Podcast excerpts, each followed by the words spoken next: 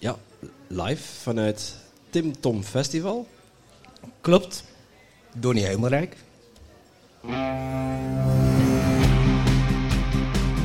Welkom bij de Tim Tom Podcast. Ik ben Timothy. En ik ben Tom. Samen zijn wij jouw GPS naar geluk en succes. Voilà, dat was het. Je mag weer naar huis, Donnie. Ja. Dankjewel. Ja, nu hebben we toch wel eh, een bijzondere man. Ik heb die eh, leren kennen tijdens een seminar van Michael Pilarczyk in eh, 2017. We zijn echt als het ware Mirror Brothers. Zat ik nog met een klein alcoholprobleempje en dan eh, hebben we elkaar spiegel geweest, hebben we elkaar gecoacht. Er is echt wel een hele mooie, hechte vriendschap uit ontstaan.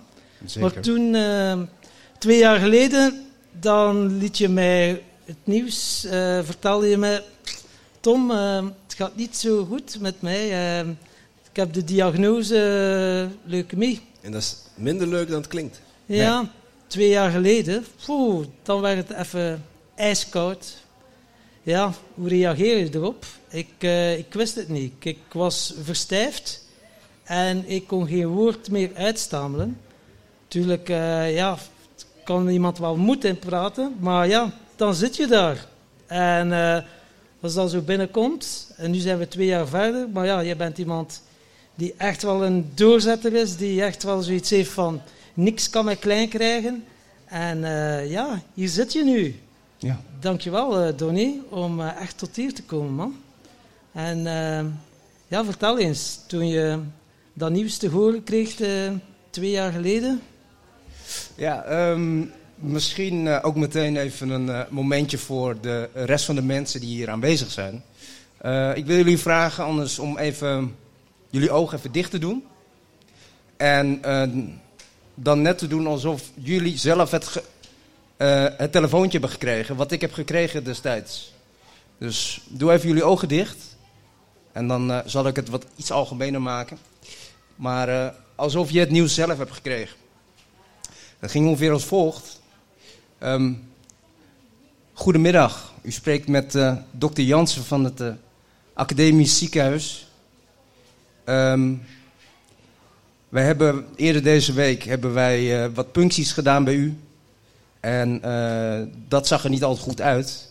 En na de bloedafname van deze ochtend moeten we helaas constateren dat u acute leukemie heeft. En u moet per direct naar het ziekenhuis toe om u klaar te maken voor vier weken chemobehandeling. Bedenk je eens dat dit daadwerkelijk jouw telefoontje had geweest. Want dat was mijn telefoontje namelijk, die ik toen in de eerste week van 2022 heb gekregen. Dat ik nog lekker aan het werk was. En dat kwam aardig binnen. Sterker nog, ik besefte het niet eens. Mijn familie die had het al door wat er aan de hand was. En ik zei, nee, nee, ik, ik, ik, kan, niet, kan niet weg. Ik, ik moet nog aan het werk. Ik, werk uitgerekend vandaag maar met één collega. Dus ik was nog helemaal... Ik, het, het- het landde niet. Nou, en die dokter zei, nou, dit kunnen we niet meer over het weekend tillen. Want het was vrijdag.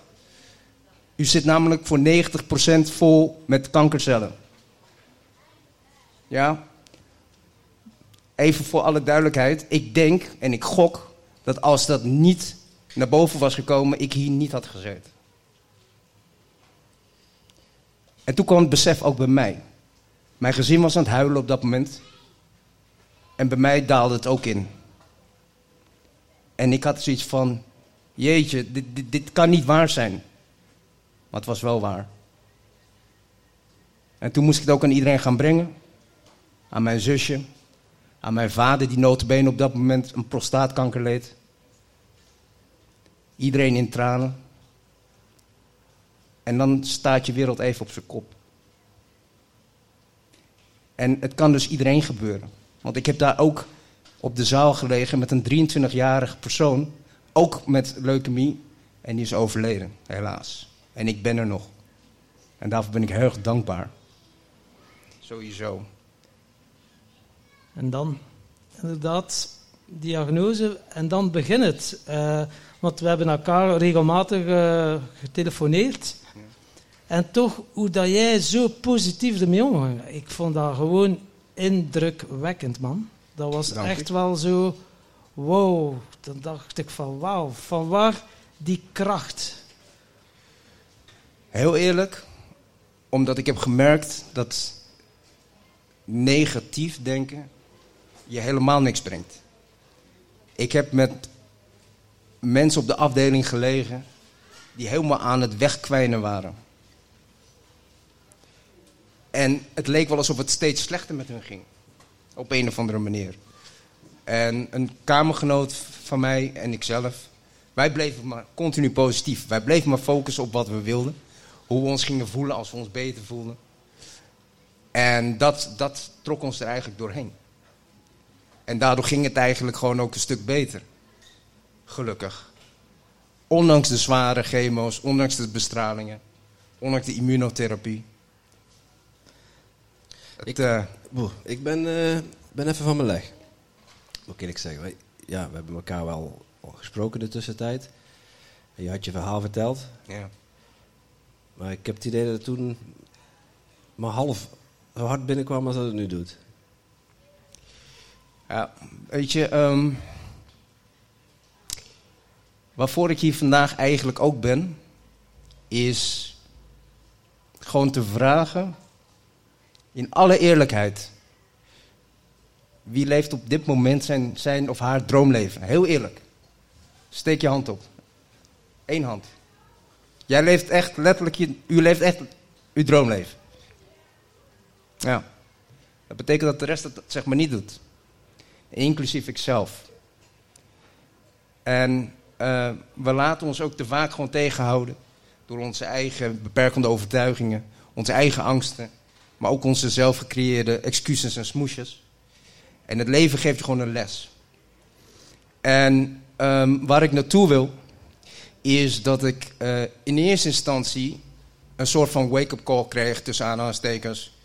Toen ik één dag ouder ben geworden dan mijn moeder ooit is geworden. Voor alle duidelijkheid, uh, mijn moeder is overleden toen ik acht was en zij 39. En uh, zij heeft dus nooit haar volledige potentieel en haar talenten kunnen ontdekken. Omdat ze is gewoon veel te vroeg heen gegaan. Toen ik één dag ouder werd dan, haar, dan zij ooit is geworden, toen deed ik op dat moment eigenlijk al 10 tot 15 jaar hetzelfde werk. Zonder voldoening, maar betaalde rekeningen. Hey. En uh, het was makkelijk. Het was mijn comfortzone. Ik weet niet, is klinkt dit herkenbaar voor sommige mensen? Hetzelfde werk doen, al, al die tijd, zonder, zonder dat het voldoening geeft. Ja. Goed. Toen ik dus één dag ouder ben geworden dan mijn moeder ooit is geworden, dacht ik, hé, hey, maar wat kan, stel je voor als ik net zo oud zou worden als mijn moeder, dan zou ik er nu niet meer zijn. Dus dat besef had ik zoiets van, hé, hey, maar wat, wat zijn mijn, ik ben er nog wel, en wat zijn mijn talenten, mijn potentieel? En toen ben ik gaan kijken wat mij altijd energie heeft gegeven, en dat was mensen opleiden, begeleiden en coachen. En daar ben ik dus uh, uh, verder in gegaan, door middel van een coachingsopleiding.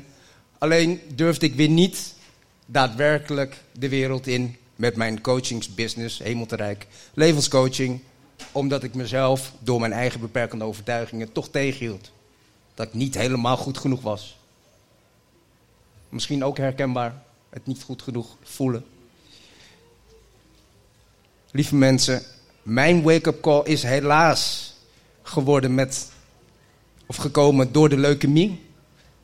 Maar laat dit mijn moment aan jullie zijn dat ik jullie duidelijk wil maken dat je niet op een ziekte moet gaan wachten totdat je echt wakker wordt en echt iets gaat doen waar je aan aangaat.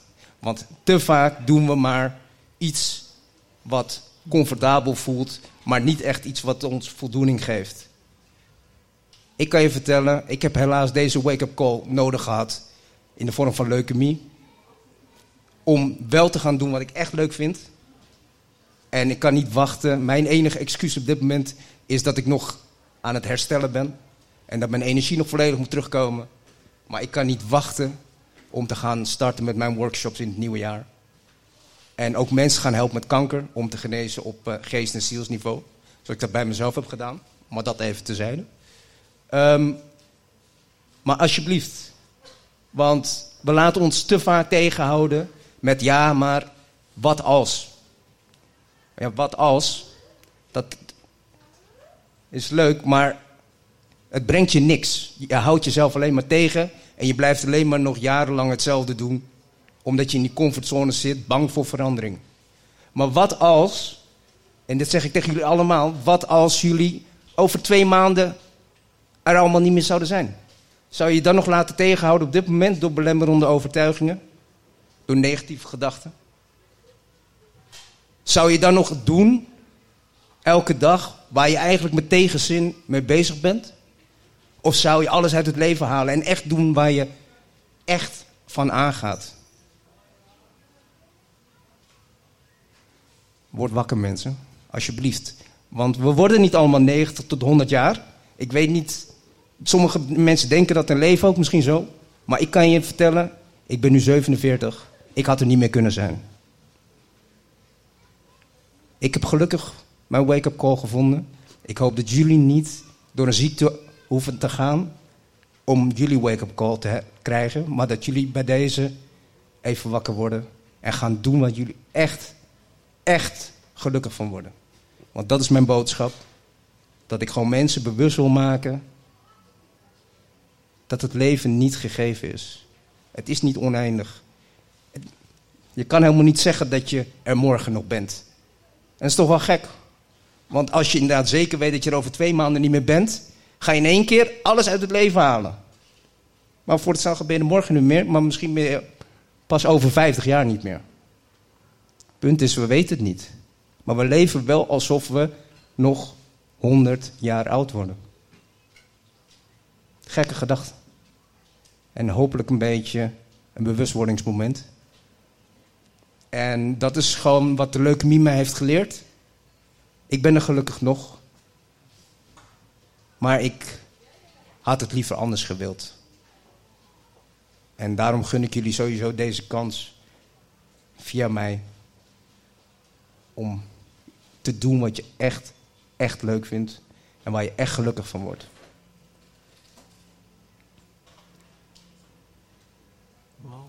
Daar worden zelfs wij stil van, Donny. Ja. ja. Dankjewel voor het delen van deze mooie woorden, want er zit zoveel waarheid in. En ja, mensen mogen je ook best uitspreken. Spreek je eigen waarheid uit. Ja. Hey, wat, wat, wat mij opvalt in jouw verhaal. Ik, belemmerende overtuiging, ik denk iedereen heeft er wel last van. Klopt. Maar er is een verschil tussen uh, ze ervaren of je er door laten tegenhouden. En wat als, hè, Tom en ik hebben het ook wat in elkaar gezegd, wat als we nu eens een festival zullen organiseren? Hm. Die zitten we. Hebben ook last gehad van belemmerende overtuigingen. Ik wil het niet vergelijken met jouw strijd, maar die gedachten die zijn er altijd. En ja, ik denk, je moet echt al heel erg verlicht zijn voordat die gedachten echt helemaal verdwijnen. Ik heb tot twee weken geleden nog gedacht van, waar zijn we in hemelsnaam mee begonnen? Zullen we niet gewoon mee stoppen? Maar kijk, als je het net even een klein beetje verder doorzet, dan, uh, dan ontstaat er iets magisch. Klopt. We hebben alle drie Think and Grow Rich gelezen. Ja. Van uh, Napoleon Hill. En daar wordt ook zo'n mooie anekdote in verteld. Hè? Van, over doorzettingsvermogen, over uh, het op zoek naar het goud. Darby die op zoek gaat naar het goud en uh, een goudader vindt en begint te graven. En opeens stopt de goudstroom. Hij is het opgegeven. Hij heeft heel zijn boel verkocht. En iemand anders heeft zijn draad opgepakt, heeft zichzelf een beetje verdiept en is verder gaan graven. Is dat eigenlijk effectief één meter van het goud vandaan? Om stinkend stinkend rijk te worden. Ja, dat ging dan over, over rijkdom. Maar ik denk dat rijkdom over veel meer gaat dan alleen dat. Namelijk je mooiste leven leven. Zeker. En wat is nou de aller, aller, allerbelangrijkste les die jij geleerd hebt uit... Ja, je zit nog steeds in herstel, dus je bent er eigenlijk nog, nog niet helemaal uit. Nee. Maar je bent wel al van de bodem weg. Zeker. En toen je op de bodem zat, wat, wat, wat, wat was jouw mooiste les die je meegekregen hebt? Ik ben er nog. Als je mensen om je heen in het ziekenhuis ziet overlijden, en jij bent er nog, dan is er iets weggelegd voor mij. Dan is het mijn tijd nog niet geweest. En wat mijn les is geweest, is waardeer de simpele dingen in het leven. Ik ging op een gegeven moment in een dankbaarheidsjournal ging ik opschrijven elke dag waar, tien dingen waar ik dankbaar voor was. En weet je wat de grap was? Ik was dankbaar voor licht. Ik was dankbaar voor warm water. Ik was dankbaar überhaupt voor stromend water. Drie maaltijden op een dag. Dat is al meer dan ongeveer de helft van de wereld kan zeggen. En ik begon te huilen. Ik werd emotioneel om de meest simpele dingen die ik altijd voor lief heb genomen. Vrienden, familie, mijn gezin, zelfs mijn eigen gezin, heb ik heel lang maar voor lief genomen. Ja, ze zijn er altijd voor mij. En plotseling kwam het besef, door de leukemie, dat ze, als ik er niet meer zou zijn, dat ik er niet meer voor hun kon zijn en zij niet meer voor mij. En dat besef, dat kwam heel hard binnen. Want in één keer was het lang leven de lol en het boeide allemaal niet. En ik ging totaal niet gezond om met mijn lichaam. Naar, jeetje, ik heb nu een tweede kans gekregen en ik moet wat van mijn leven maken. En het is niet meer ik wil of kan, ik moet wat van mijn leven maken, want dit is een betere wake-up call kan je ongeveer niet krijgen. Dan, dan, dan een vorm van kanker. Sorry. Dankjewel. Dankjewel, Ja. eh, Donny. We hebben nog een, een vraag van de vorige gast voor je. En eh, dat is misschien een uitnodiging naar de toekomst ook. Maar hoe zoek jij, hoe vind jij balans tussen werk en privé?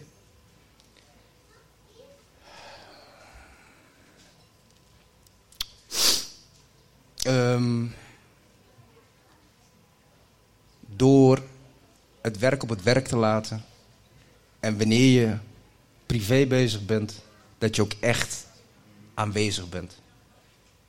Ik denk dat dat een heel belangrijk iets is door die twee echt te scheiden. Dus niet je werk mee naar huis toe te nemen, maar ook je privézaken niet naar je werk. Dus dat is heel mooi gezegd toen een keer in de film Hitch, als ik me niet vergis. When you're in the room, be in the room. En dat klinkt misschien een beetje gek, maar het is letterlijk, als je ergens bent, wees dat dan ook met je volle aandacht. Als jij je werk meeneemt naar huis toe, ben je niet volledig bij je gezin. Als jij privé issues hebt en je neemt dat mee naar je werk, ben je niet volledig op je werk aanwezig. Ik denk dat dat mijn belangrijkste boodschap is. In dit geval.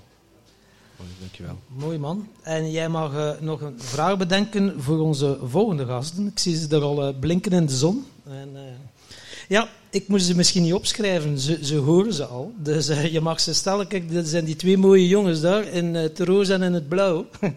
Steve en Wouter. Eh, je mag een vraag voor hen bedenken.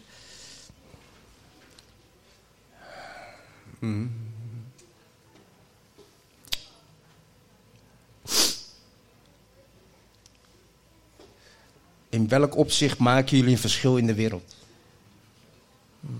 Chew on that, boys. Ja. Makkelijke vraag toch? En ja, dat is ook een mooie vraag voor, eh, voor, voor de rest van de mensen die hier zitten. hè. Wat voor, wat voor positieve invloed wil jij uitoefenen op de wereld? Wat is jouw impact?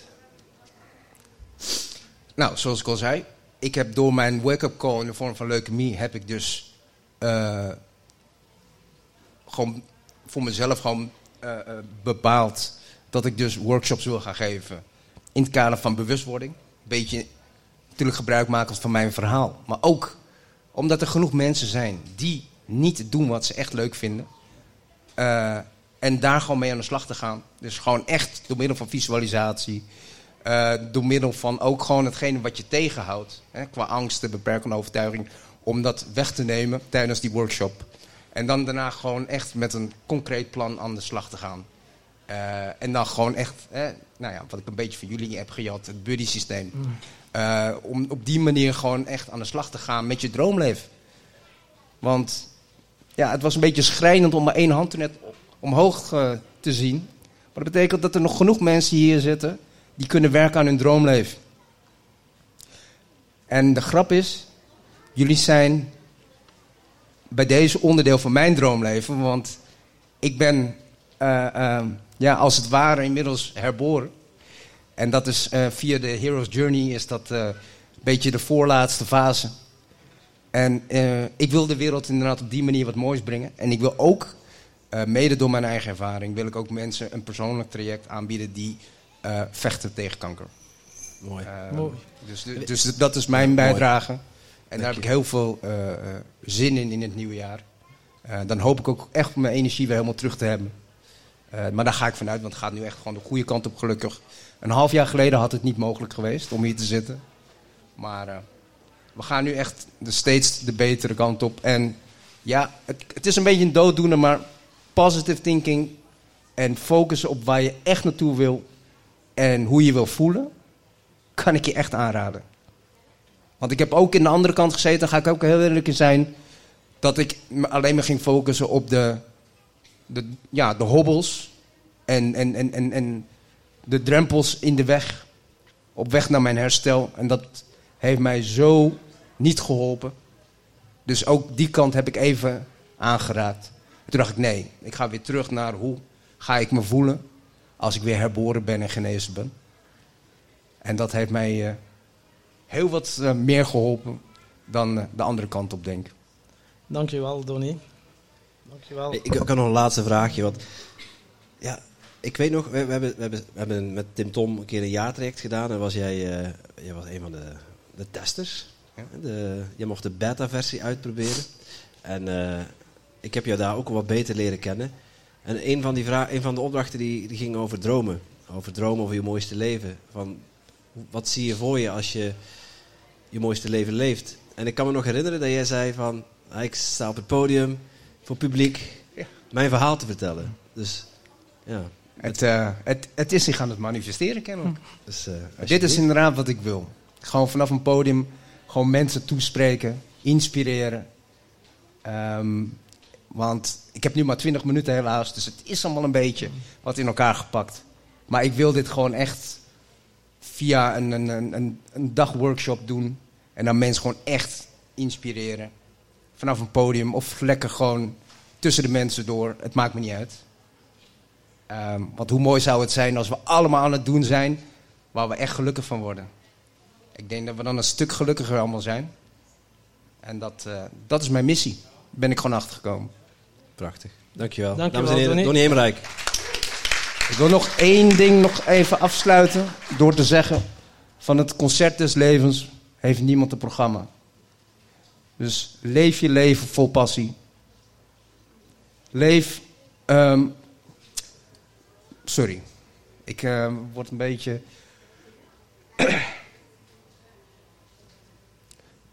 leef je leven vol passie.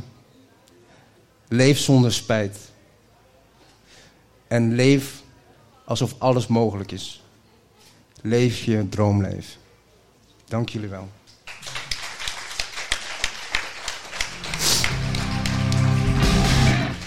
En jij natuurlijk ook super bedankt om te luisteren naar deze podcast. Voel jij je geïnspireerd? Je zou ons een enorm plezier doen door ons 5 sterren te geven of een review achter te laten in jouw favoriete podcast-app. En wil je geen enkel inspiratiemoment missen? Abonneer je dan op onze podcast of volg ons op social media at Tim Tom Podcast. Oké, okay, dan moet je ook terug aan de Tom. Eh?